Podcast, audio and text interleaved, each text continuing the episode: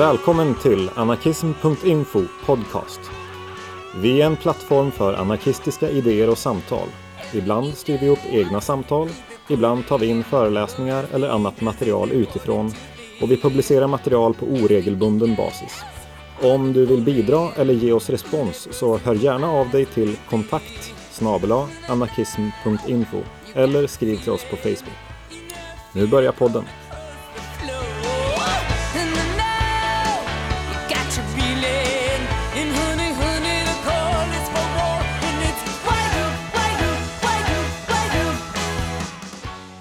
Ja, hej och välkommen till eh, Anarkism Infos eh, podcast. Idag så kör vi ett eh, kravallsamtal där vi diskuterar och funderar, reflekterar lite högt och lågt kring olika frågor, aktuella ämnen ur anarkistiska perspektiv.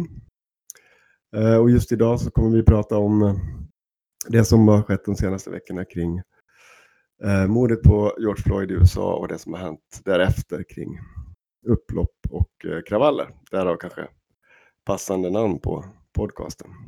Kravallsamtal. Eh, vi kommer att försöka eh, se vad som har hänt i USA och eh, titta lite grann på händelser som har skett i Sverige. Eh, så det är de två perspektiven vi har med oss. Eh, vi som är här idag, det är jag, Alf, och i USA. Svartkatt. Eh, ska vi börja i eh, USA kanske? Vad är det som har hänt i USA, Svartkatt? Mm. Allt det här som sker nu började ju, jag tror, jag tror det var 25 maj, eh, när George Floyd mördas av eh, fyra snutar i Minneapolis. Det startade en eh, våg av protester och kravaller som inte är helt främmande för USA och som man kan ju dra sig till minnes att rätt nyligen så pågick sådana i, efter Ferguson bland annat, när en annan svart, svart man hade dödats av polisen. Men det som hände nu eh, med George Floyd eskalerade ju snabbt och blev större på många sätt än, eh, än det vi har sett med, eh, tidigare. Det har blivit våldsammare och det har blivit bredare. Varenda småstad har ju haft demonstrationer under de senaste veckorna. Och eh, som det brukar vara, men också mer än vanligt så har ju snuten svarat med ganska grovt våld. De har ju visat en, en alltså, totalt urskillningslös liksom, alltså brist på hänsyn eh, och eh, angripit eh, fredliga demonstranter, angrip, angripit folk med tårgas, misshandlat folk, misshandlat äldre, anfallit journalister, barn, skjutit liksom, tårgasbehållare rakt i ansiktet på folk, skjutit med gummikulor på folk eh, in i folkmassor, in på folks verandor och också ljugit systematiskt om det som, har, som de har gjort hela tiden. Upploppen eskalerade ganska snabbt och framförallt i Minneapolis så brändes ju en polisstation ner eh, efter, efter, några dagar. Och eh, det var ju liksom lite grann som en slags psykologisk knuff för hela, hela det som skulle komma skulle. Det förändrade liksom psykologin lite grann på eh, protesterna och demonstrationerna. Och sen så kulmen på, man skulle kunna dela upp det och säga kulmen på den första eh, eh, delen av det här var när eh, Trump tog en sån här eh, foto-op utanför eh, en kyrka efter att de hade tårgasat bort demonstranter utanför Vita huset i Washington DC. Um, ehm, och efter liksom den här första veckan kanske av våldsamheter och otroligt brutalt bemötande från eh, polisens sida så började polisen backa tillbaka lite. Eh, tog en mer passiv, ett passivt grepp på, på demonstrationerna. Och det var nog inte bara ett taktiskt eh, betänkande utan också till viss del en fråga om att de eh, inte orkade mer. De hade utsatts för så mycket press och själva utsatts folk för så mycket skit så att det, snuthatet var ju på topp. Och eh, poliserna var trötta och eh, tyckte inte det var roligt längre. Och då, då började det hända saker. Då började det här spridas och eh, det började också ta eh, andra former. Som autonoma zoner som började dyka upp här nu för någon vecka sedan. Den mest kända är väl den som finns i en stadsdel i Seattle, Capitol Hill, eh, Autonomous Zone. Eh, men det har funnits andra också i Ashley, North Carolina och på flera andra ställen folk har också, i Sverige så kan det kanske tyckas som att det inte har hänt så mycket på sistone, men det, media har slutat rapportera fastän demonstrationerna är stora och det är för att det är inte lika mycket våld från polisens sida som eskalerar allting, orsakar kravaller och, och liknande. Eh, men demonstrationer pågår hela tiden eh, på många ställen, små som stora städer. Och eh, vissa demonstrationer har till exempel övergått till att vara liksom, eh, block blockader av eh, motorvägar och att just ta små områden och försöka hålla dem. Statyer har rivits ner på många ställen, både i och utanför USA. Så det, det är kanske lite grann mellan tummen och pekfingret eh, av vad som har hänt de senaste veckorna. Det var intressant, jag tänker så här att eh, precis det här du tar upp, att ja, det här, eh, de här andra zonerna, liksom, det är ingenting som man har läst om direkt sådär eh, i flödet direkt sådär som har kommit upp, utan det är de här stora händelserna, liksom, snutstationen i Minneapolis och, och Chas, liksom, sådär. Men är de här andra zonerna kvar? Alltså, så. Jag vet inte riktigt. Jag vet att vid ett tillfälle så var det fyra stycken. Det var någon i, jag undrar om det var Chicago. Eh, men det var, det var som en encampment med hemlösa och eh, demonstranter som, som byggde upp någonting. Eh, sen var det den här lilla zonen i Asheville i North Carolina. Sen var det en till. Den i Asheville tror jag polisen sen monterade ner. Så det, det har hänt mer än bara den i Seattle. Men mm. jag har inte eh, koll på vad som hänt med alla dem. För det, det, är också sånt man inte riktigt hör om annat än via liksom någon som känner någon eller något Twitterkonto. För, för jag tänkte när du nämnde det att vad, vad som rapporteras nu, för nu, nu har jag liksom läst i DN för någon, några dagar sedan, nu har ju liksom den här berättelsen om det som sker i USA börjar ju liksom bli mer så här att man, ja men nu visar man bilder på barn och föräldrar och liksom man ger sken av att ja, men nu har det blivit ganska folklig, folklig stämning. Liksom, så här, att nu så här, alla är med och det är liksom, nu är det mer, i alla fall de reportagen, att säga, men nu är det mer demonstrationer, nu är det inte kravaller. Liksom. Ja, och det, det kan man säga det är en ganska sned bild för att demonstrationer har ju varit hela tiden. Det, börjat, det enda det har rapporterats från i början var kravaller. Och eh, menar, den första dagen kanske så var det eh, som det även var i Ferguson, att det var mest typ de berörda i området och svarta och en del organisationer som Black Lives Matter som eh, eh, liksom mobiliserade för att gå ut på gatorna. Eh, följda av eh, aktivister som, som eh, är politiskt engagerade i den här typen av frågor. Men väldigt snabbt så eskalerade det här till att eh, mer än på sig Eh, under civil rights-rörelsen på 60-talet och mer än under Ferguson eh, engagera en, en bredare eh, massa. Och det i bemärkelsen att det är inte bara svarta, det är även vita. Eh, det är inte bara arbetarklass, det är även medelklass. Det är inte bara, bara politiskt radikala människor. Det är också eh, liberaler. även om de olika eh, uttryck, det kommer till uttryck på olika sätt förstås. När det är liksom, beroende på vem det är som, som är ute och, och så. Och, och, Trump då, vad är hans liksom, take just nu? Det, det är rätt intressant för att eh, alltså, menar, alla vet ju vem Trump är och vad han gör. Alltså det, det är ju en pajas av extrema proportioner. Um, han är inte bara liksom en inkompetent pajas, han är också ett otroligt arrogant och eh, är liksom, han tror att allt handlar om honom. Eh, så att eh, han, han tar ju liksom det mesta som personliga förolämpningar och bedriver personliga vendettor. Sen är ju hans politik i grunden extremt rasistisk och sexistisk. Och allt det här har ju på något sätt kulminerat här i vad som även många republikaner eh, skulle mena är en, en, presidents ansvar i tider av den här typen av eh, kriser. Att, att, att liksom samla nationen, att, att försöka hitta enande punkter och att prata liksom om oss och om försoning.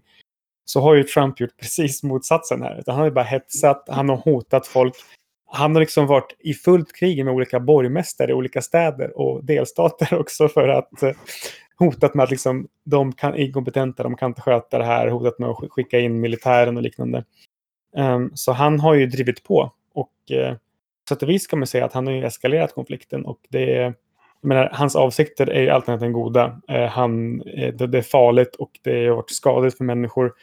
Jag tror att Trumps retorik också till viss del har legat eh, bakom varför polisen på ett sätt som man kanske inte sett tidigare i USA har varit obekymrade för att göra saker mitt framför kameror och eh, även angripa journalister. Helt öppet, helt öppet. Det är hundratals, om inte tusentals incidenter där journalister eh, angrips och det är ofta avsiktligt. Alltså de har skjutit rakt mot team och de har, miss, de har gått fram och misshandlat eh, journalister som har akkreditering.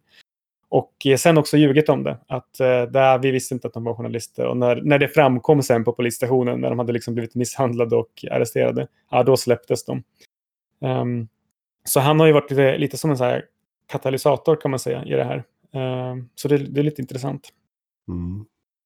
Vad, finns det något mer att säga om liksom vad som händer eller vad, som, vad, vad det pratas där borta?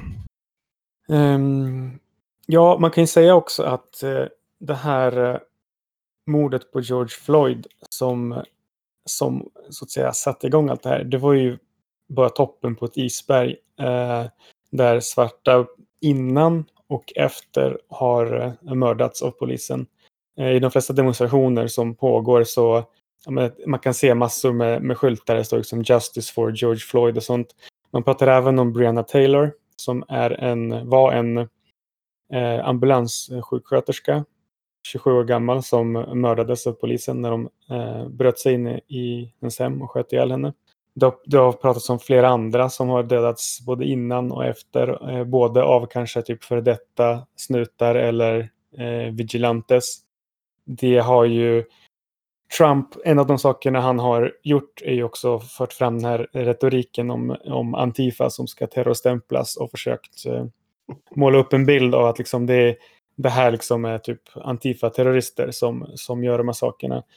Vilket inte stämmer, vi kan komma in eh, lite grann på, på det strax, men det är också värt att påpeka att flera människor, svarta, har dött de senaste veckorna av att vita har eh, skjutit ihjäl dem eh, typ vita affärsinnehavare som har skjutit ihjäl folk. Och nu senast var det väl någon sån här högermilis i New Mexico som eh, där blev, var det någon som blev skottskadad av när det kom en sån här rasistisk eh, vit milis och började skjuta på folk. Som, som också på lite avseende på polisradion tydligen kallades för eh, friendly civilians eller civilian friendlies eller något sånt. Um, så det är en väldigt bred fråga och det har liksom hänt saker eh, förutom det här som är George Floyd, det var också en svart man som sov på en parkering i, till Wendys som är typ det är som en, ett alternativ till McDonalds kan man säga. Eh, som ringde, eh, han, han eh, låg och sov i en bil som stod parkerad så att deras drive-through var blockerad och sånt. Så ringde de polisen och det slutade med att han blev skjuten när han, när han flydde från polisen. Där är det intressant att nu är vi i ett läge där det resulterade i att en dag eller två dagar senare så brändes den Wendys ner. Så nu liksom det är en nivå av, eh, vad ska man säga, svar på den här typen av rasistiska dåd och polisbrutalitet som man inte har sett förut. Liksom. En polisstation har bränts ner och tagits över. Det har man inte sett tidigare i USA, så vitt jag vet. Eh, och eh, restaurangen som ringde snuten på, på en svart som, som mördades, den blev nedbränd. Eh, och mm. Så det, är liksom, det händer mycket. Det är inte bara George Floyd. Det är många som har drabbats. Det har varit polisbrutaliteten i tiden. Det fortsätter hända saker och svaren på det här är eh, de är olika men, men det finns väldigt, väldigt militanta inslag i det kan man säga. Var det inte också så att där just i eh, kring Wenders där också att den där polischefen avgick ganska direkt på, eller någon högt uppsatt polis liksom, eh, mm. så, som passade på att hoppa av med resultat. Visst, visst var det så? Ja, precis. Hur vanligt är det? Brukar det hända liksom direkt efter? För på ett sätt kan man tänka att ja, men det är väl en taktisk strategi, liksom, så här, att så här, ja, men vi, någon får avgå och så hoppas man på att eh, det liksom ska lugna sig. Men, men samtidigt så, så är det inte liksom, snutar brukar inte vara någon som erkänner sina fel i, här, i första hand. Liksom. Men är det vanligt att, att sånt brukar ske i samband med liksom, dödsskjutningar eller att snuten mördar folk? Inte tidigare, så vitt jag vet. Eh, för det första, precis som fallet är i Sverige, så är det i USA nästan till omöjligt att fälla en eh, polis. Eh, om man kollar på de här fallen som varit från Ferguson till eh, framåt med eh, Trevin Martin och allt vad de heter. I de flesta fallen så har ju poliserna eller de vigilanter som har begått det här eh, gått fria. Eh, och det är liksom på grund av en blandning av att USA har jävligt märkliga sådana stand your ground-lagar där du kan eh, hävda självförsvar och komma undan med, med mord för små saker. Och för andra att polisen är, är nästan till omöjlig att komma åt. Eh, det är liksom institutionaliserat på det sättet. Så att en polischef avgår är ju väldigt ovanligt och snarare ett tecken på att de, de måste snabbt försöka hantera det här så att det ser bättre ut så att de inte får ett stort upp, upplopp på händerna. Eh, för i vanliga fall så varför skulle polischefen avgå när inte ens de som utfört det generellt sett kommer dömas? Och den här polischefen avgår ju innan det ens har liksom kunnat utfärdas någon eventuell dom. Så att eh, det är väldigt uppenbart att det här är ett sätt att hantera situationen och väldigt lite att göra med liksom, vad de brukar juridiskt göra med eh, an, liksom ansvaret eller vilken skuld de tror sig ha för det som har hänt. Eh, så det, det är intressant så. Att det har liksom, det har man ju också sett liksom att eh, poliser har tvingats in i lite mer defensiv ställning och det har kommit ganska mycket eh, vad ska man säga, polispropaganda senaste tiden där de försöker rättfärdiga sig själva. Eh, men det kanske vi pratar lite mer om när vi pratar om snacket eh, kring, kring det som händer också, det ideologiska och politiska spelet. Och jag vet inte om, om vi ska säga något mer där eller om, om vi ska gå in på den biten. Ja, men jag tycker det. Vi får se eh, om vi kommer tillbaka till någonting som vi har missat. Men jag tycker att det, vi kör på det. Mm, där, först ska vi, vi har redan pratat om det här med, med Trump och eh, Antifa-terroristerna. Eh, ehm, och där finns det en intressant diskussion som, som eh, är ganska relevant. Man pratar ju i USA specifikt om någonting som heter eh, outside agi- agitators. Ehm, och det här har jag hört ganska mycket i media. Eh, jag tror det förekommer till viss del i, i Sverige också. Eh, och det är en intressant situation i USA för att det här används just nu eh, för att eh, säga att de kravaller och de, den plundring som sker, det, det är inte de som bor i communityt som, som utför det, utan det är outside agitators som gör det här. Eh, och det används från två håll, intressant nog. Det används av högern ehm, för att eh, liksom, dumförklara eh, communities, att de skulle aldrig kunna komma på det här själva, de kan inte organisera sig, de liksom, eh, och också att de eh, vill inte det här. Eh, och att det, det, det finns någon annan ytterligare bad guy som man kan skylla på. Eh, som för högern är ganska nyttigt för att de vill ju inte, de vill inte göra sig till ovän med hela communityt och då måste de låtsas som att det, de är för dumma eller för inkompetenta för att göra något sånt här. Och då typiskt som Trump då, då kan man skylla på typ att det är antifa-terrorister som, som gör saker. När i själva verket de som har gjort de grova eh, våldsamma brotten mot människor, det är ju polisen och högerextremister. Men sen finns det också en liberal falang som kör med samma grej, men som, där man kan prata om något som man kan kalla för respektabilitetspolitik. När man är så otroligt räddhågsen av sig att agera utanför ramarna för vad som är eh, tillåtet och vad som är liksom eh, hur en eh, fredlig demonstration ska gå till. Och det är nästan liksom underförstått i demonstrationer att de måste vara fredliga. Eh, på nästan alla eh, större demonstrationer så står det liksom så här, fredlig demonstration för eh, Black Lives Matters och liksom peaceful demonstration, peaceful demonstrants. Eh, för en så otrolig rädsla för att man ska framstå som radikal eller, eller våldsam. Och då, då stämmer det inte heller in i eh, berättelsen att det var folk som plundrade, slog sönder affärer, liksom gjorde upp med de här grejerna. Eh, då, då, då kan man också, där kanske man inte skiljer på antifascister, men då säger man bara liksom att det är någon slags outside agitator som, som gör de här sakerna. Vilket också idiotförklarar människorna i områdena där det här händer. Eh, för det finns väldigt få, om några, bevis för att det är några outside agitators som varit inblandade i något sånt här. Tvärtom så verkar det vara folk från lokal communities, eh, arbetarklassfolk, eh, både svarta och vita, som har gjort de här sakerna.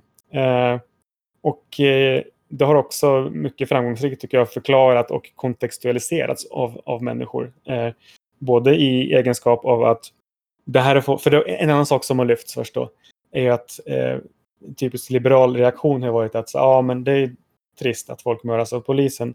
Men det är dumt, varför ska de slå sönder sina egna liksom, områden, sina egna communities? Men som folk på, på plats har påpekat, alltså, vadå sina egna communities? De äger ingenting här. De här, liksom, de här prylarna, liksom, de här varorna, de är inte deras. Eh, det, det de gör är ju ett uttryck för att liksom, det här samhället har ju liksom, om, det, om vi pratar om något liberalt socialt kontrakt, då är inte det här sociala kontraktet upp, upprätthållet. Vi mördas, vi diskrimineras eh, kontinuerligt och systematiskt. Vi liksom får inte den utbildning vi ska få, vi får inte jobben, får vi dem så exploateras vi, eh, vi kriminaliseras. Och då blir det liksom bara fuck you. Det, vi, det finns inget socialt kontrakt. Vi tar de här sakerna. Och eh, det blir liksom en omfördelning av resurser som tvärtom att vara liksom problematisk eller, eller att ursäkta sig för. Det är ju skitbra. Att, eh, vi, åtminstone vid något tillfälle kan ett community liksom säga att nej nu jävlar, nu tar vi de resurserna vi behöver. Eh, och att det här sker, det är inga outside agitators som gör det här, utan eh, det här händer liksom där, eh, där människorna är. Och eh, av de människorna som känner sig berörda. Liksom. Inte alla, men en del. Och, och för det andra så det går ju väldigt snabbt att eh, eh få eftergifter också och eh, det uppstår en panik bland eh, de styrande när de här sakerna händer. Fredliga demonstrationer, nästan implicit, är ju där att de ska inte störa någon. Men vad är det för poäng med en demonstration som inte stör någon? Eh, när saker plundras, eh, när saker brinner, när polisstationer brinner, när polisbilar brinner, när det är graffiti överallt. Det är en sån eh, legitimitetskris för etablissemanget och det är så pinsamt för dem. Så då blir det en jävla fart på att göra saker. Och då har man ju sett också hur de har försökt trilla över varandra för att liksom göra eftergifter. Eh, för att liksom få bukt med det här, för att få återfå kontrollen. För det är också det, liksom. de känner att de tappar kontrollen. En, de en demonstration som följer alla lagar, all lag och ordning i stationstecken, den är under kontroll. Och då, då känner de inte att de behöver göra speciellt mycket. Um, så det har varit liksom väldigt intressant faktor i det här. Liksom, med all den outside agitator-snacket och, och, liknande. Jag tänker det kommer ju ett läge också där det liksom coronapandemin har liksom satt sin prägel på, på, på tillvaron under lång tid. Och sen händer det här. Mm, precis, och eh, eh, den blottade ju redan mycket av det här. Så att man kan säga att det var som ett upplägg. Eh, det har varit ganska tydligt i USA att eh, coronapandemin har främst drabbat eh, utsatta, och det är inte minoriteter utan marginaliserade grupper. För de, de är inte en minoritet. Det är folk från arbetarklassen, det är folk som sitter i fängelse. Eh, det är folk som utför jobb där, där, där de riskerar att bli smittade. Och i alla de här kategorierna är ju svarta överrepresenterade. Så att det har liksom, det, har nästan varit som en pedagogisk resa. Först kommer en kris där å ena sidan folk ser att de, det, är, det här samhället bryr sig inte om oss. Å andra sidan har de sett att det som har hjälpt dem i stor utsträckning det är folk i liksom omhändertagande funktioner och alla de här nätverken av ömsesidig hjälp som har startat, som fixar varor åt folk, som, eh, som ser till att handla när folk inte kan åka ut och göra det och liknande. Och det som har satt käppar i hjulet för dem, det är staten och liksom polisen och, och, kapitalistiska institutioner. Och sen så kommer det här mordet som får droppen att rinna över. Så liksom, det var ju så upplagt liksom för, för att den här liksom, krutdurken skulle explodera. Ja, verkligen. Är det något mer som det har liksom snackats om? Eh, ja, en intressant aspekt som, som jag gärna skulle vilja lyfta är då vad, när, liksom, när protesterna har börjat och när de pågått ett tag, då, då börjar också diskussionen vad ska vi göra då? Vad, vilka åtgärder ska vi ta till? Och då är ju USA länge liksom efter eh, den här typen av händelser som blir Ferguson och både innan och efter varit så att folk går ut och eh, det är typ två saker man har pratat om. Inte alla, men, men, men det har varit liksom, ska man säga, den mainstream-diskursen. Det ena är att de som har gjort det här ska straffas. Det vill säga typ eh, att poliser ska dömas för, för att de har mördat svarta. Eh, och det här har ju, det här har generellt sett misslyckats. Det, det, det, har nästan aldrig hänt.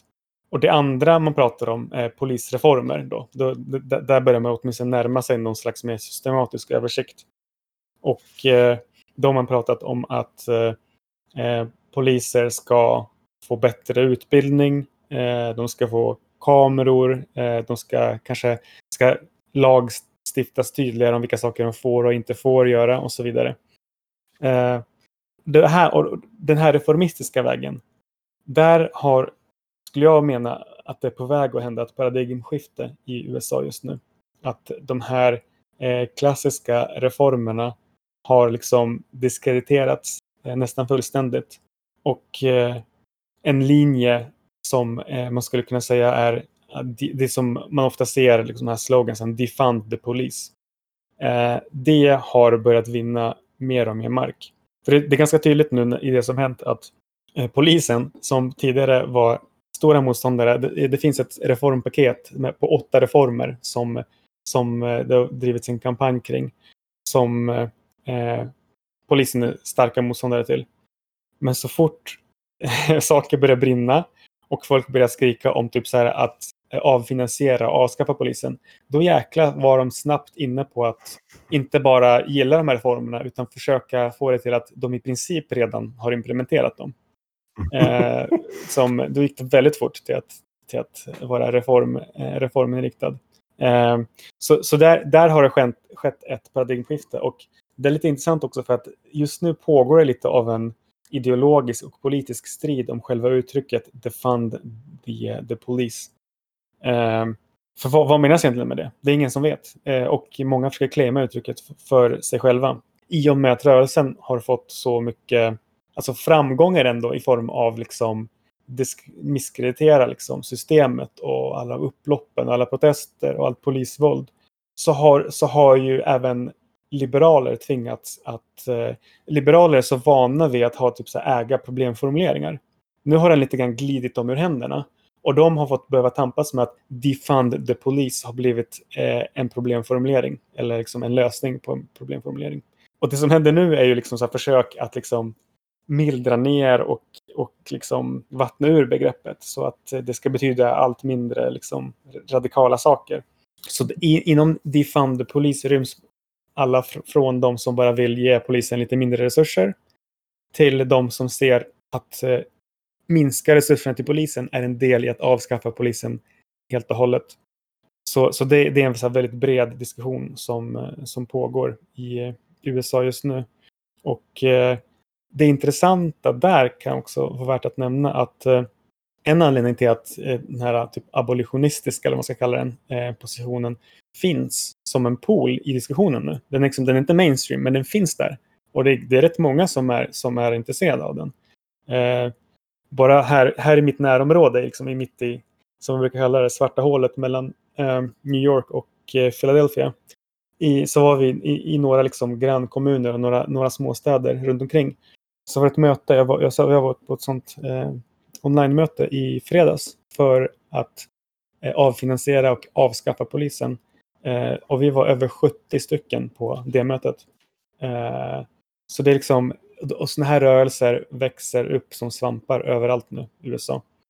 Eh, och det, det jag skulle komma till då, en av anledningarna till att den här positionen finns som en pool och som börjar tas allvarligt nu och som tvingar hela diskussionen åt, alltså att förhålla sig till den. Det är att USA har en ganska lång tradition av abolitionistisk eh, politik, praktik och rörelser som varit ganska små men som hela tiden var, funnits där som har konkret, alltså det finns konkreta organisationer som har, som har fysiska lokaler som gör arbete ute i communities, som gör liksom både propagerar för det här och agerar praktiskt för det. Det finns teoretiska utläggningar från till exempel allt från Angela Davis bok från typ 2003 om att avskaffa fängelsesystemet eh, till en nyare bok som heter The End of Policing av Alex Vitale.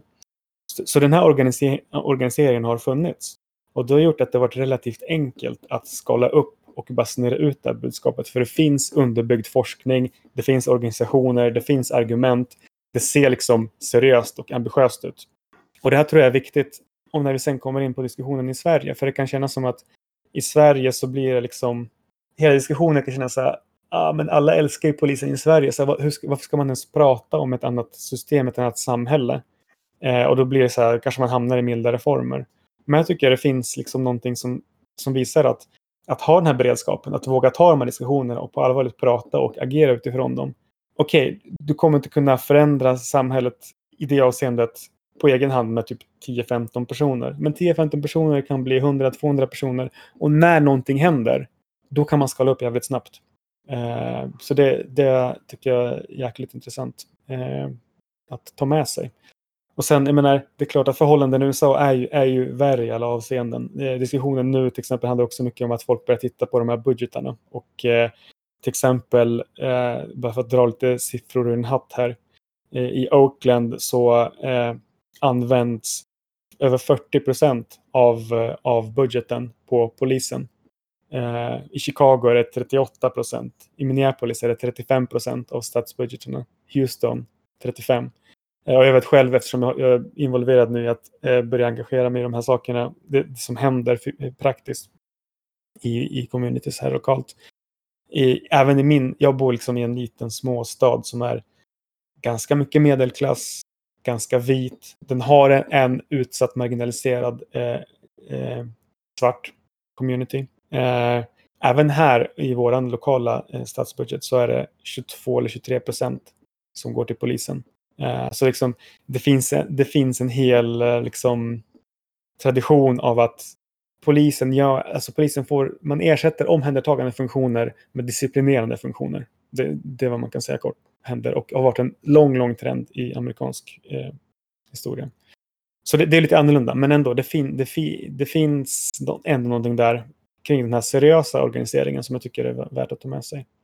Ja, det är ju liksom, det är inspirerande tänker jag. Och jag håller med om att alltså, kontexten är ju annorlunda i Sverige vad gäller just den här Eh, debatten är ju liksom långt ifrån i framkant liksom, om de här frågorna. Men jag tänker att eh, men det händer ju att frågor liksom, eh, som man har som rörelse, men, frågor som är liksom vanliga liksom, i den anarkistiska debatten, om man ska säga, liksom, som i ett fokus, ibland ploppar upp och får liksom, ett annat fokus i liksom, mer mainstream debatt. Och, och det här är väl ett sånt tillfälle. Liksom, när, och den, där kan man väl tycka att, tänker jag, att där blir det ju tydligt i ett svenskt perspektiv att när den här frågan ploppar upp som vanligtvis är en eh, vanlig förekommande liksom, diskussion så, ja, men, emot stat och emot liksom, kapitalism och emot där polisen då liksom är en, en faktor som, som liksom också behöver liksom försvinna. En institution som behöver liksom, som man är emot av liksom, eh, anarkistiska principer. Eh, när den då helt klart liksom, korrelerar liksom, med eh, den här liksom, vågen som kommer ifrån USA eh, så, så- blir det ju liksom eh, intressant eh, och, det, och det kan ju kännas skönt att det blir liksom, jaha men den här frågan eh, har ju vi pratat om länge eh, på något sätt. Men samtidigt så blir det ju som, det blir inte på, för där har ju märkts en stor skillnad i Sverige, det har ju inte blivit på det sättet så. För det gick ju ganska snabbt till att det vattnades ur, eller vad man ska säga, till någonting annat. Eh, så Mm. att den här liksom, kritiken av liksom, polisen som institution, den fick ju inte fäste på samma sätt. Har ju inte fått fäste. Nej, och den kan lätt bli abstrakt också, kan jag känna. Mm. För det, det kanske är svårt att veta vad man ska göra. Eh, när man, för, när- poliskritiken i Sverige från politiskt håll är också... Där för då har man en abstrakt teoretisk förståelse som man har läst sig in på. Och sen har man ens levda eh, liksom upplevelse är ofta hur polisen behandlar till exempel politiska aktivister. Det vet ju varenda jäkel som har organiserat sig i någon form av direktaktion och inte varit så underdånig mot, mot poliser i olika sammanhang. Att då, då, då får man liksom oftast stryk. Eh, eller liksom blir trakasserad på olika sätt. Medan liksom anarkismen är ju en minoritet i abolition, den abolitionistiska rörelsen i USA. Och det är för att det, den stora drivkraften av den kommer liksom från den levda verkligheten i framförallt kanske svarta communities och communities som utsätts, utsätts för det här historiskt liksom, eh, i hundratals år. Och det är jäkligt intressant. Men jag tror, jag tror det går ju inte att föra över ett till ett. Men, eh, men jag tror att det går att dra nyttiga liksom, lärdomar. Eh, mm. Och vi kanske kom, kommer in på, eller vi kommer komma in på Sverige snart. Men jag tänkte kanske bara ehm, innan dess prata lite grann om, om just det här med att avskaffa polisen. Kanske eh, Mm. sätta det i ett, i ett sammanhang, den- här diskussionen som ändå har blommat upp i USA. Mm. Ehm, för det, det är, en, det är en, eh, någonting som också känns mer abstrakt och kanske mer ovanligt i Sverige. Medan eh, här i USA så finns det ju som en eh, långtgående tradition av eh, liksom, det, det är ingenting som bara liksom anarkister på ett socialt center sitter och pratar om, utan det är forskare på universitet. I, inte för att liksom ställa de två mot varandra, men för att säga att liksom det har en, en prä, att det tas, seri, tas, tas seriöst på ett annat sätt. Och med seriöst menar jag inte att det, ja, det är det enda som gäller. Men ja, det finns en större bredd eh, i, i den här kritiken. Och det första som, som till exempel om man tar och läser en sån bok som Angela Davis, eh, Is eh, Prison Obsolete, men även många andra som kanske mer fokuserar på polisen, är ju att sätta polisen i ett historiskt sammanhang. Och det var det, bland annat om man kopplar tillbaks till att eh, för första gången någonsin kanske så har en polisstation brunnits upp och tagits över eh, av eh, demonstranter. Eh, jag läste en fantastisk text som, satte det liksom, som, som menade att det var just en sån, en sån eh, ideologisk och psykologisk brytpunkt för rörelsen. Och att den just satte polisen ner på jorden igen från att vara den här oövervinnliga, eh, allestädes närvarande och eviga institutionen till att vara ett historiskt fenomen som inte är mer än 150 år gammalt.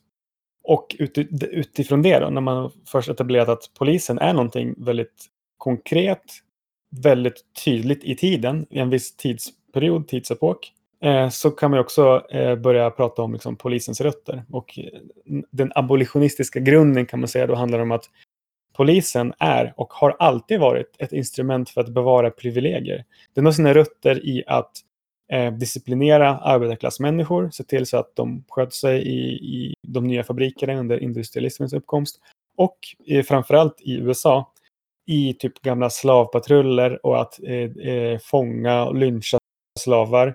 Eller därefter när eh, slaveriet formellt avskaffades. Men som, som många eh, kallar det här att plantagen flyttade ut i resten av samhället istället.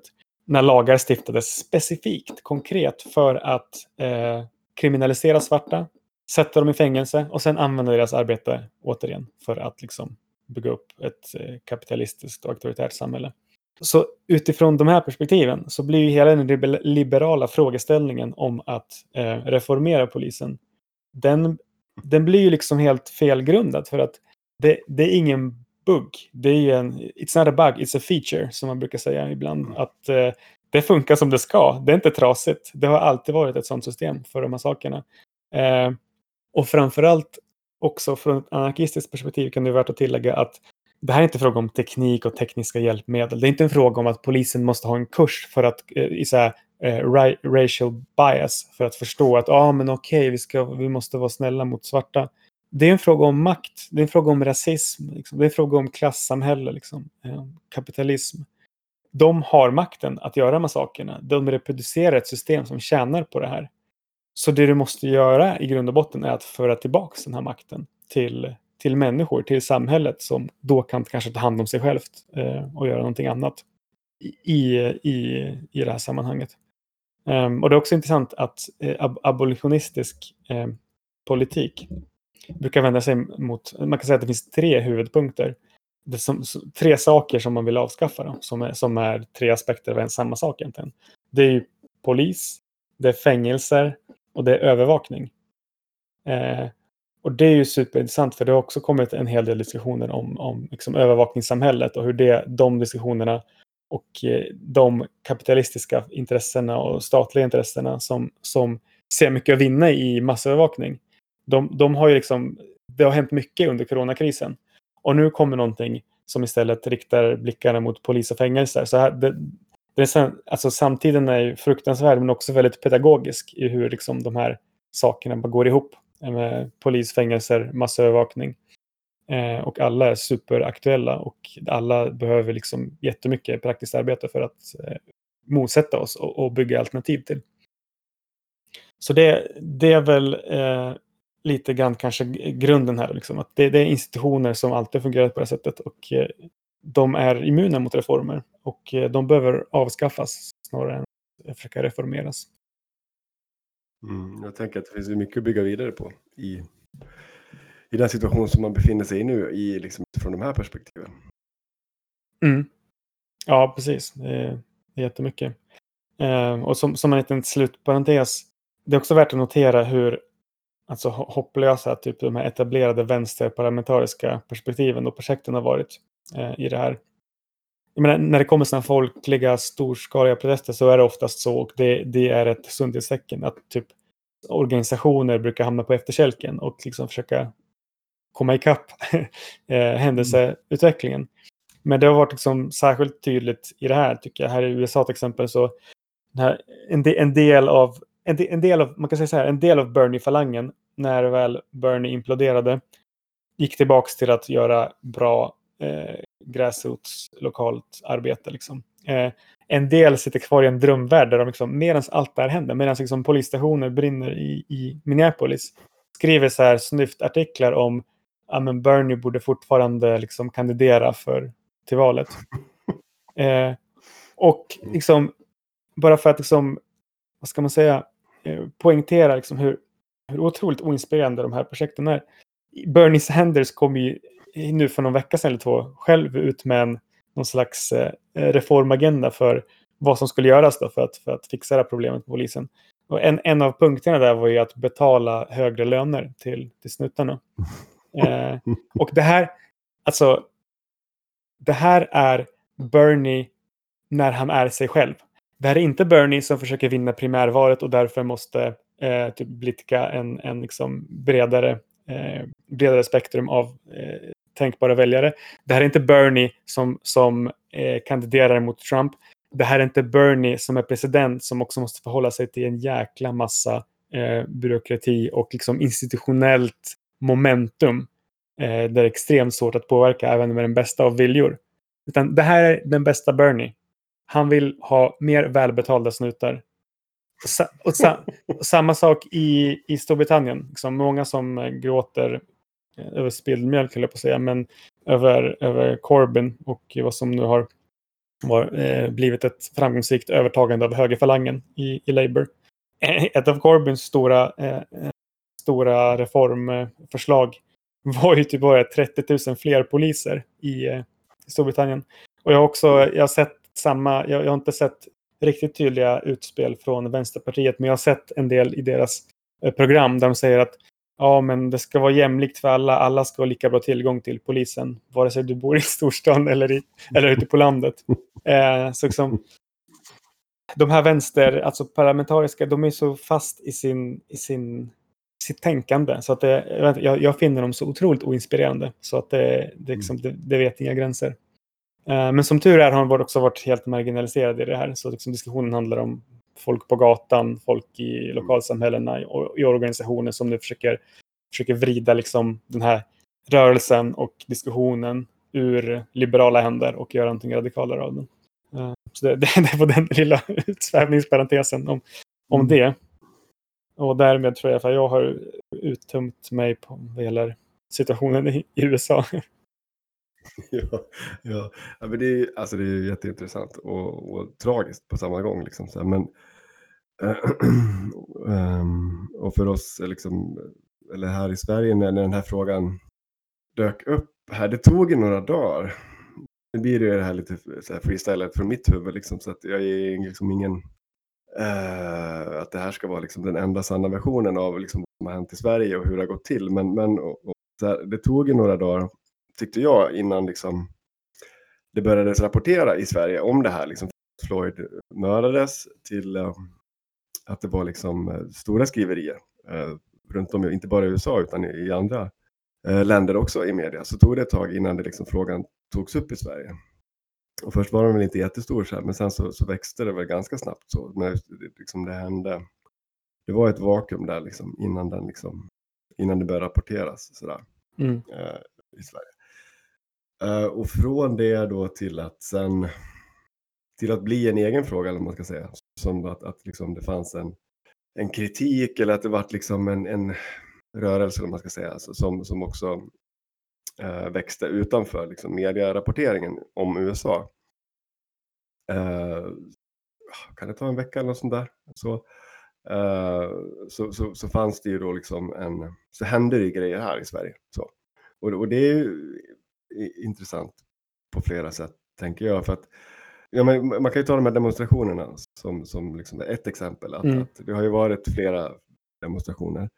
Uh, några har det ju rapporterats om Sen har det ju varit demonstrationer eller manifestationer säga, som inte alls har liksom nämnts i media. Typ uh, men de som, som, som har varit lite större och som det har rapporterats om så är det ju då några som det har liksom uh, som, som, som det blivit ett problem eller man ska säga, i, i media. Då. Alltså det är väl den första som var den stora eh, i Stockholm och sen där, den som kommer vara i, i Göteborg. Men det är ju intressant att se hur liksom eh, polisen i, i Stockholm hanterar den här situationen. Att de liksom, så många människor som samlades liksom i Stockholm för den här liksom, som var liksom engagerade i den här frågan. Så, I i den, liksom den här, för då var det ju väldigt mycket Eh, fokus på frågan som den kom ifrån USA tycker jag ändå. Det var så här polisvåld, eh, polisen, eh, rasism liksom i någon slags, man ska försöka ringa in liksom frågorna som, som, det, som det gällde. Det var, det var fler än liksom en fråga som det kanske blev sen efter ett tag, att det handlade mer om generell rasism. Liksom, sådär. Utan då var det så bredare, flera frågor. Mm. Uh, och att det var mycket unga människor, det var liksom folk som var, men som du var inne på lite grann, det här, man har en egen erfarenhet av liksom, uh, rasism, av polisbrutalitet, eh, uh, av liksom vara marginaliserad eller känna sig liksom utsatt eller lida i någon slags mening i, i ett samhälle, så, i ett system. Så. Sen är det ju alltid en fara med att generalisera med en grupp med personer. Det var ju liksom tusentals människor i, i Stockholm. Och, och, i ett läge då när man har gått ut och sagt att ni får vara max 50 personer. det är liksom en lag, så här, nu, nu är det 50 personer som gäller och så blir det så här, tusentals. Och att, att polisen då går ut så som de gjorde i Stockholm, så hårt i, liksom, och öppet ändå, liksom, med batonger och tårgas och pepparspray eller vad det var. Och, och, och att men det finns liksom eh, filminspelningar med liksom och att det var så tydligt den kontrasten, för många, det var ju liksom ungdomar mycket liksom, som slängdes iväg av polisen. Liksom. Mm. Slogs med batonger och, och de här personerna gjorde ju liksom ingenting mer än att de liksom fanns ute på stan och, och de var för många liksom och att de inte lydde direkt liksom. Eh, och att de började närma sig slottet eller vad det nu var som var ett problem. Liksom. Mm. Uh, att de gick ut så hårt där och då. Det var ju liksom verkligen tydligt att ja, men det är det här som det här är ju ett problem. Liksom. Så här, ja, men det är det här som är problemet. Så här, så här ska, ska det vara så här. Liksom. De visade, liksom, man kan säga att polisen på ett väldigt pedagogiskt sätt visade vad det var frågan om. ja, det var ju nästan, ah, för bra för att vara sant är ju liksom kanske ett konstigt ordval, men lite så. Liksom. Ja, men här går de ut och, och visar på, ja men det här är ju problemet. Liksom. Tack lite grann. Men det är också intressant tycker jag utifrån då, för att om man, om man liksom backar tillbaka här till situationen med corona och så, eh, så har ju Sverige internationellt utmålats som det här landet som där vad som helst gäller och liksom, som skiter i coronan och där alla ska liksom ha flockimmunitet och bla bla bla. Vilket ju inte, inte stämmer, även om Sveriges linje har, har skilt sig från många andra länder. Eh, men det är intressant att se att när det gäller de här protesterna så har man slagit ner mycket hårdare än vad man till exempel gjort i USA. Där det liksom, av olika anledningar förstås inte kanske gått att göra det. Även om, även om de har ju slagit till hårt mot protesterna så har det inte varit under förevändningen att det är för att förhindra spridningen. Eh, så har det inte varit alls här. Nej, men precis. Och, och, och Sveriges coronastrategi, eller vad man ska säga, har ju också marknadsförts som att ja, vi litar på folket. Liksom. Så här, det här är direktiven och sen så ska ni ta eget ansvar. Vi, vi vet att ni kan, att ni kan liksom eh, veta ert eget bästa och vi litar på er och så här. Så den retoriken, liksom, så här, att man liksom, det är så man vill kontrollera. Eh, och det kan ju vara då en strategi om man vill liksom kontrollera hur, hur människor ska agera. För jag tror säkert att det funkar i viss mån. Eh, i, i vissa mm. sammanhang. Mm. Men, men i det här läget då när folk inte gör som de blir tillsagda, och då försvinner ju den här liksom, tilliten direkt jävligt snabbt. Liksom. Så, ja, men då är det batonger och, och mm. liksom, man åker i gatan liksom, så här, för att man inte gör som man blir tillsagd. Man kan säga att där i USA svaret har varit i stor utsträckning att eh, de har ersatt omhändertagandefunktionen med liksom snutar på gatan. Eh, Medan i Sverige så kan man säga att det har varit ett långt framgångsrikt projekt att installera snutar i huvudet på folk. Ja, ja precis. Och det tycker jag också kan man ha med sig sen när man tänker på hur debatten sen har blivit. För det här var ju någonstans startskottet på liksom det här stora som hände först. Ehm, och sen så var det ju en demonstration i Malmö. Det, är liksom, det var mycket människor, polisen gick in direkt och upplöste dem, då, för de var också fler än 50. Uh, ehm, och att sen de spred sig runt stan och gick omkring. Men det, men det vart inte de här konfrontationerna liksom, som det vart så. Men de var många, de lydde inte, de gick omkring på stan. Uh, så strategin på snuten där var ju liksom en annan än liksom gå loss med batongen liksom, så, som några dagar innan. Uh, och sen så kom det, den här i Göteborg då, då så, som, som, som liksom också kanske framställdes som att ja, men det här är en fredlig demonstration. Det här är liksom uh, mot rasism och, och, vi ska liksom eh, lyda polisen. Vi vill inte vara för många och så här. Uh, för det var ju också tydligt att många av de här arrangörerna som hade startat Facebookgrupper eller vad det var liksom, för att dra igång demonstrationer. Några vart ju ganska svettiga i, i det här mm. sammanhanget. Jag tittade på vad är det här? Ska jag vara ansvarig för det här? Liksom? Om det kommer flera tusen människor och uh, polisen trycker på och, och liksom sådär. Så några drog sig tillbaka. Liksom. Så. Men just i Göteborg så kändes det som i början att ja, men det här ska vara en fredlig demonstration.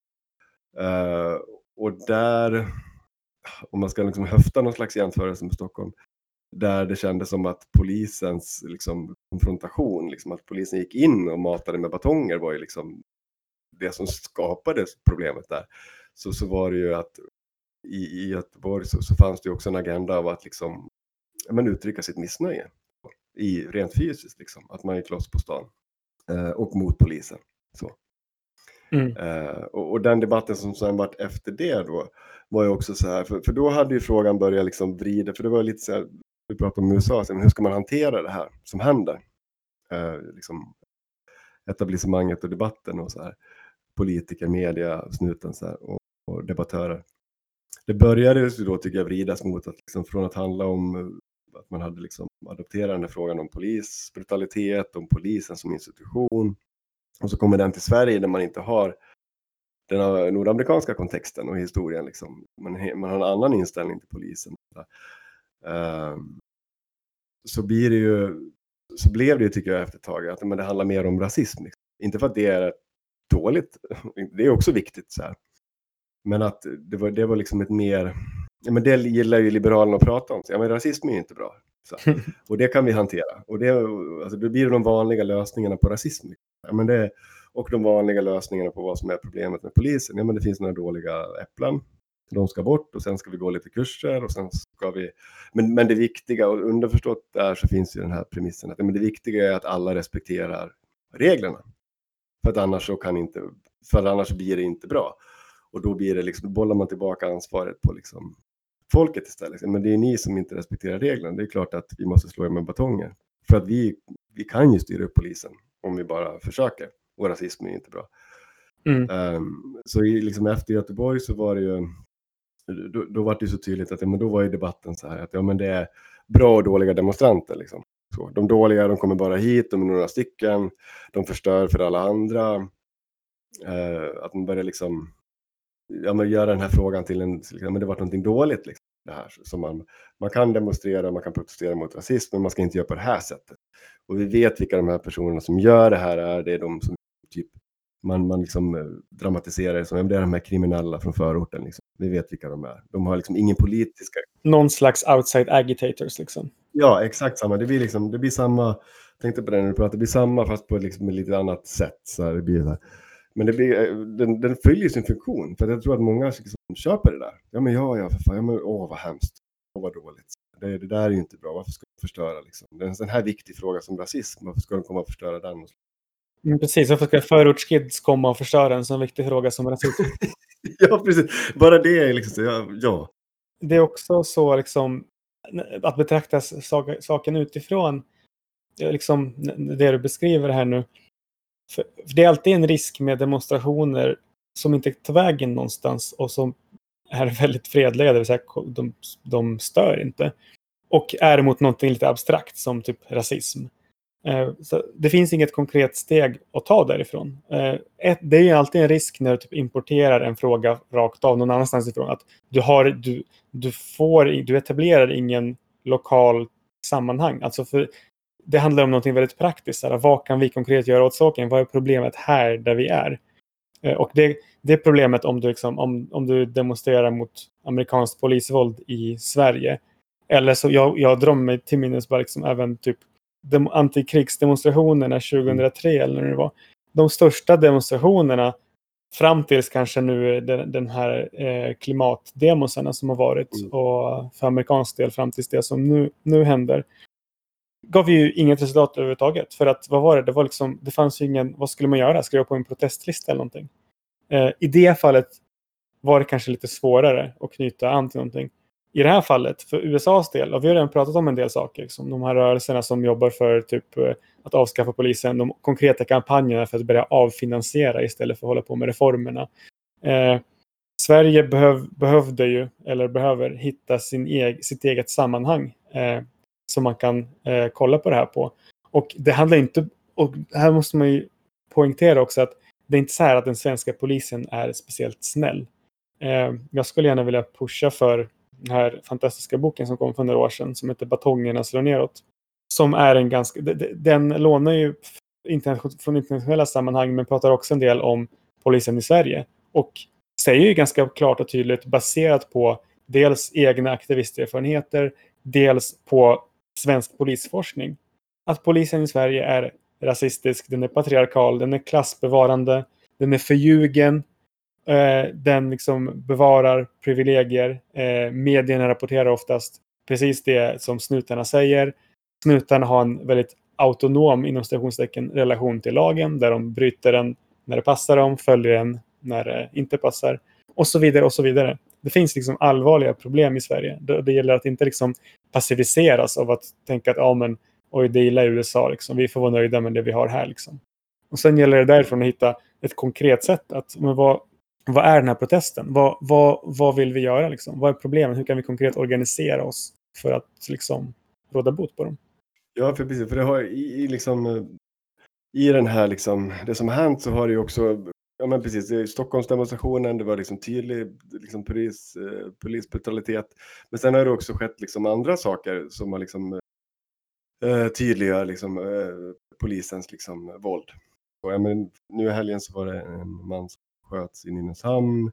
Det, det kommer liksom rapporter eh, om, om gamla frågor tror jag, men som dyker upp i de här sammanhangen det som liksom flöt omkring här för några dagar sedan var ju den här liksom snuten som hade använt sin batong liksom och kört upp i någons eh, anus liksom och kommit undan med det. Så att det, i, I det här sammanhanget så ploppar det upp frågor så som jag tror också lättare får fäste i flödet, liksom i debatten, än vad det kanske skulle... Det, det får ett annat sammanhang när det dyker upp nu. Mm. Eh, och det, det tror jag liksom, det betyder något och det får liksom konsekvenser. För jag tänker att vad, vad kan man ta med sig av det här? För jag tänker att frågan i Sverige har ju nu liksom mattats av. De här stora demonstrationerna har varit, liksom, nu har det liksom flyttats över mycket, ja, men det är nätmanifestationer, det kanske är det var någon demonstration häromdagen utanför amerikanska ambassaden. Så, så, snuten har ju upplöst liksom alla demonstrationer efter Stockholm och Göteborg där. Så, så, som hettar till lite grann. Men, men annars så har ju liksom frågan, eh, liksom, den är inte farlig på samma sätt för etablissemanget i Sverige skulle jag säga idag.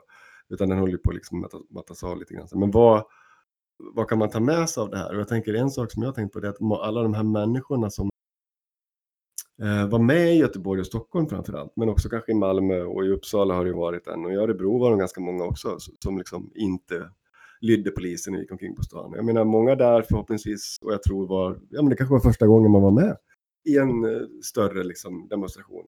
Framförallt tänker jag på Stockholm och de här som det var tusentals. Liksom. Det måste vara en jävligt mäktig känsla och sen så får man känslan att slå ner den. Liksom.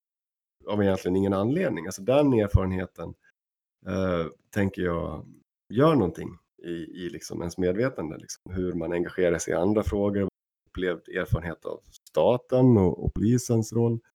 Och sätter man det sen i sammanhang om, fler blir engagerade och får liksom erfarenhet och kunskap om de här frågorna. Alltså liksom, hur är polisens situation i Sverige? Vad har den för maktbefogenhet? Vad har den för roll? Hur fungerar de? Liksom? Vad finns det för problem? För det finns jättemycket som är ändå eh, undersökt. Den boken som du nämnde är jättebra och det finns liksom vissa forskningsrapporter eller studier som kommer om profilering och, och, och sådana här saker. Så det finns ju mycket att, att, ta till sig i Sverige också, men det finns ju framförallt mycket att göra. Att upplysa mm. liksom, och fortsätta diskutera den här frågan. Bara, så, här, men så här ser det faktiskt ut. För precis som du var inne på, polisen vinklade ju tillsammans med media väldigt snabbt och liberala debattörer. Liksom. Det var väldigt mycket debattprogram på SVT väldigt snabbt. Det var väldigt mycket liksom, ledare i DN och alla stora tidningar där man liksom gick ut och sa att jo, men den här frågan är viktig, men vi måste göra det på rätt sätt. Vi måste bla bla bla. Det var vi måste ge emot rasism och, och polisen hade ju väldigt stor kunde styra den debatten väldigt mycket. Framförallt såg man det tydligt i Göteborg. Det man sa där, liksom, det var den bilden man ville förmedla. Och den snappades väldigt snabbt upp av media. Det gjorde det på de andra ställena också, men, men det var så tydligt i, i just i Göteborg. Liksom, att man, ja, men de här personerna har ingen politisk agenda som gör det här. Liksom. Vad fan vet han om det? Liksom? Mm. Och vad är en politisk agenda? Nej, Vad, vad är det för precis. jävla... Liksom? Ja, det blir, det blir en slags politisk gatekeeping, liksom, att det här är inte riktig politik. Och det gäller liksom att, att pusha tillbaka mot det. Liksom. Det som händer och har hänt i svenska förorter, det är i allra högsta grad liksom, ett utslag av politik och liksom, både en reaktion på politik och en, ett slags uttryck. Liksom, politik handlar om att förändra saker. Det kan handla om att förstöra och det kan handla om att bygga upp saker. Så jag tror det är viktigt att försöka knyta an det till, till det som händer i svenska förorter. Varför det händer. Och också kanske från, säg från anarkistiskt uh, håll våga, eller det kanske inte handlar om att våga, men vi behöver bli bättre på att ändå um, beskriva målen och prata om att avskaffa polisen. Vad innebär det? Eh, sätta ihop eh, liksom den forskning, de, den information som finns. Våga måla upp konkreta scenarion.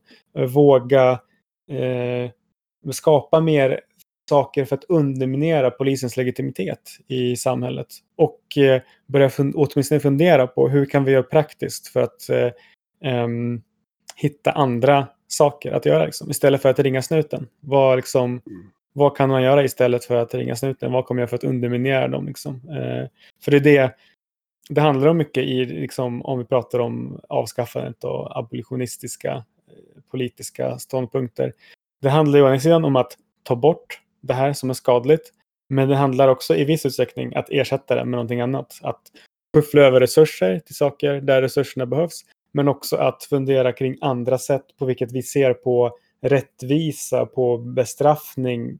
Vilket jag tycker överhuvudtaget är en, en punkt som man inte ska jobba så mycket med. För att liksom, bestraffningar är bara ett jävla slags moraliserande som inte leder till någonting. Utan vi borde istället- ställa oss frågor som så här, hur kan vi återställa både en, ett offer och en förövare i en situation till att de båda mår bra liksom, och kan vara en bra, glad del av samhället och självförverkliga sig och så vidare. Ehm, så det är, det är en massa sådana saker. Liksom. Ja, för jag, jag tycker det är jättebra, för jag tänker att mycket i, i, i svensk kontext blir liksom de kommer undan så jävla lätt nu med det här. Ja, men det, är, det är några dåliga äpplen och vi ska, vi, vi är väl och vi ska reformera. Så har man liksom lite så här, ja men som det blev tydligt att det fanns liksom två exempel då i, i Stockholm och Göteborgs som fick sticka ut och, och var någon slags plåster på såren. I Stockholm var det den här polisen, kvinnliga polisen som gick ner på knä eh, och, och liksom satte upp en skylt så här, vad fan stod det? Eh, White silence is violence. Eller så här. Men hon, liksom, hon var minst på demonstranternas sida. Liksom, så här. Det var så här, bilden hon kramade demonstranter och hon grät. Och så här. Mm. Eh, att hon liksom, ja, var någon slags symbol för sig. Men vi, vi, vi är alla tillsammans i det här och vi vill alla väl. Vi är kompisar. Så här. Nu, nu slutar vi bråka. Och, i Göteborg var det den här killen i vita skjortröjan som liksom, det finns en videoklipp där han går liksom fram och eh, börjar snacka med, med människor som trashar liksom i skyltfönster. Så här. Och, att, och att han sen, också då dagen efter satt i någon debattsoffa och hade fått liksom tillfrågan från polisen att säga, ja men du är väl en redig kille, du kan få bli polis liksom. Så så direkt, det var, det var liksom Mm. toppen på den här liksom, klimax. Ja, men, eh, han agerar liksom eh, så här redigt och bra, eh, går emot de här dåliga demonstranterna, ja men då får han bli polis. Mm. liksom så. Eh, och sen, det blir liksom inga mer diskussioner egentligen utifrån det. Utan det, där finns det ju jättemycket att, att tillägga och jobba på. Att ha liksom, och vinna på att ha konkreta förslag, eller vad man ska säga. Ha liksom en, en diskussion Mm. eh, så, och, och komma med. Och eh, förhoppningsvis, jag tror att vi har ju lite, eh, om man tänker på AI-info, eh, vi har ju saker som vi vill göra. Eh, jag tror att en av de sakerna är att konkretisera lite det här om en värld utan poliser och vad det kan innebära. Och förhoppningsvis kommer vi ha ett, kanske ett, till och med ett poddavsnitt där vi pratar lite mer om just Mm. abolitionist eh, politik. Men eh, det får ju bli en annan gång för att eh, Ja. det finns jättemycket att säga om det mer. Och vi har redan pratat ganska länge. Så jag vet inte, har du några fler tankar om, om det här? Jag har en sak som jag i alla fall vill få sagt till eh, de historiska arkiven. Till, till forskarna som lyssnar sen. Nej men så här, att, på skämt åsido. En förändring som avslutning som har kommit av det här. För man tänker vad, vad, vad gör det här för skillnad i Sverige? Jo, en sak det är liksom våra levda erfarenheter av den här händelsen. Och de här våra egna tidigare livs, vår livssituation kombinerat med det som händer. Så det, det, det tar många med sig från de här, de här veckorna. Men sen tänker jag på att snuten nu har gått ut liksom och sagt att men nu tänker inte vi tillåta demonstrationer. Även om eh, jag menar, alla ska ha rätt att demonstrera och, och regeringen har gått ut och sagt att men, okej, nu är det 50 personer som gäller. Så har snuten sagt efter Göteborg och Stockholm. Så här, Nej, men nu, nu blir det för jobbigt. Nu kommer vi vara mycket mer restriktiva liksom, till att och, och ge rätt till att demonstrera. Och, och det är liksom en... Alltså det är inte en jättestor grej, men det är en intressant och, och, och liksom i ett demokratiperspektiv så är det en stor grej att gå in liksom och, och lägga locket på möjligheten att liksom demonstrera. Och, och det, det vill jag bara nämna. Så. Och, och en sida mig tycker att ja, men det här är ju bra. Nu hoppas jag att fler ger fan i att söka tillstånd. Lite så. Alltså så att, att det blir Mm. liksom en, en så här, ja men okej om det ändå är krångligt att söka tillstånd, vad fan ska man göra det? Om jag ändå har rätt till det här. Alltså det tydliggör att den här frågan är liksom, här finns det liksom skapade sociala strukturer som snutarna hittar på för att ha kontroll. Eh, och när de får problem att hantera det här, då börjar de kontrollera det ännu mer. Eh, så det är ett intressant Mm. fenomen, eller som har hänt liksom, i, i, liksom, i slutskedet, som det kanske ändå är, eh, där vi befinner oss i Sverige. Så det vill jag Mm. bara ha sagt. Om, om det inte finns en arrangör så finns det ingen att straffa. Precis. Bara liksom just putting it out there. Ja, ja precis. Ja, nej, men det var väl liksom det vi skulle beta av lite grann så här. USA och Sverige utifrån Ja. det som är. Mm. Precis. Ehm, ja, vi får väl tacka alla som har lyssnat och eh, tack Alf som har varit Mm. med idag. Tack själv, Svartkatt. Ja. Vi eh, på återseende. Höra. Det gör vi. Ja, ha det bra allihopa. Hej. Hej. fortsätt hata polisen.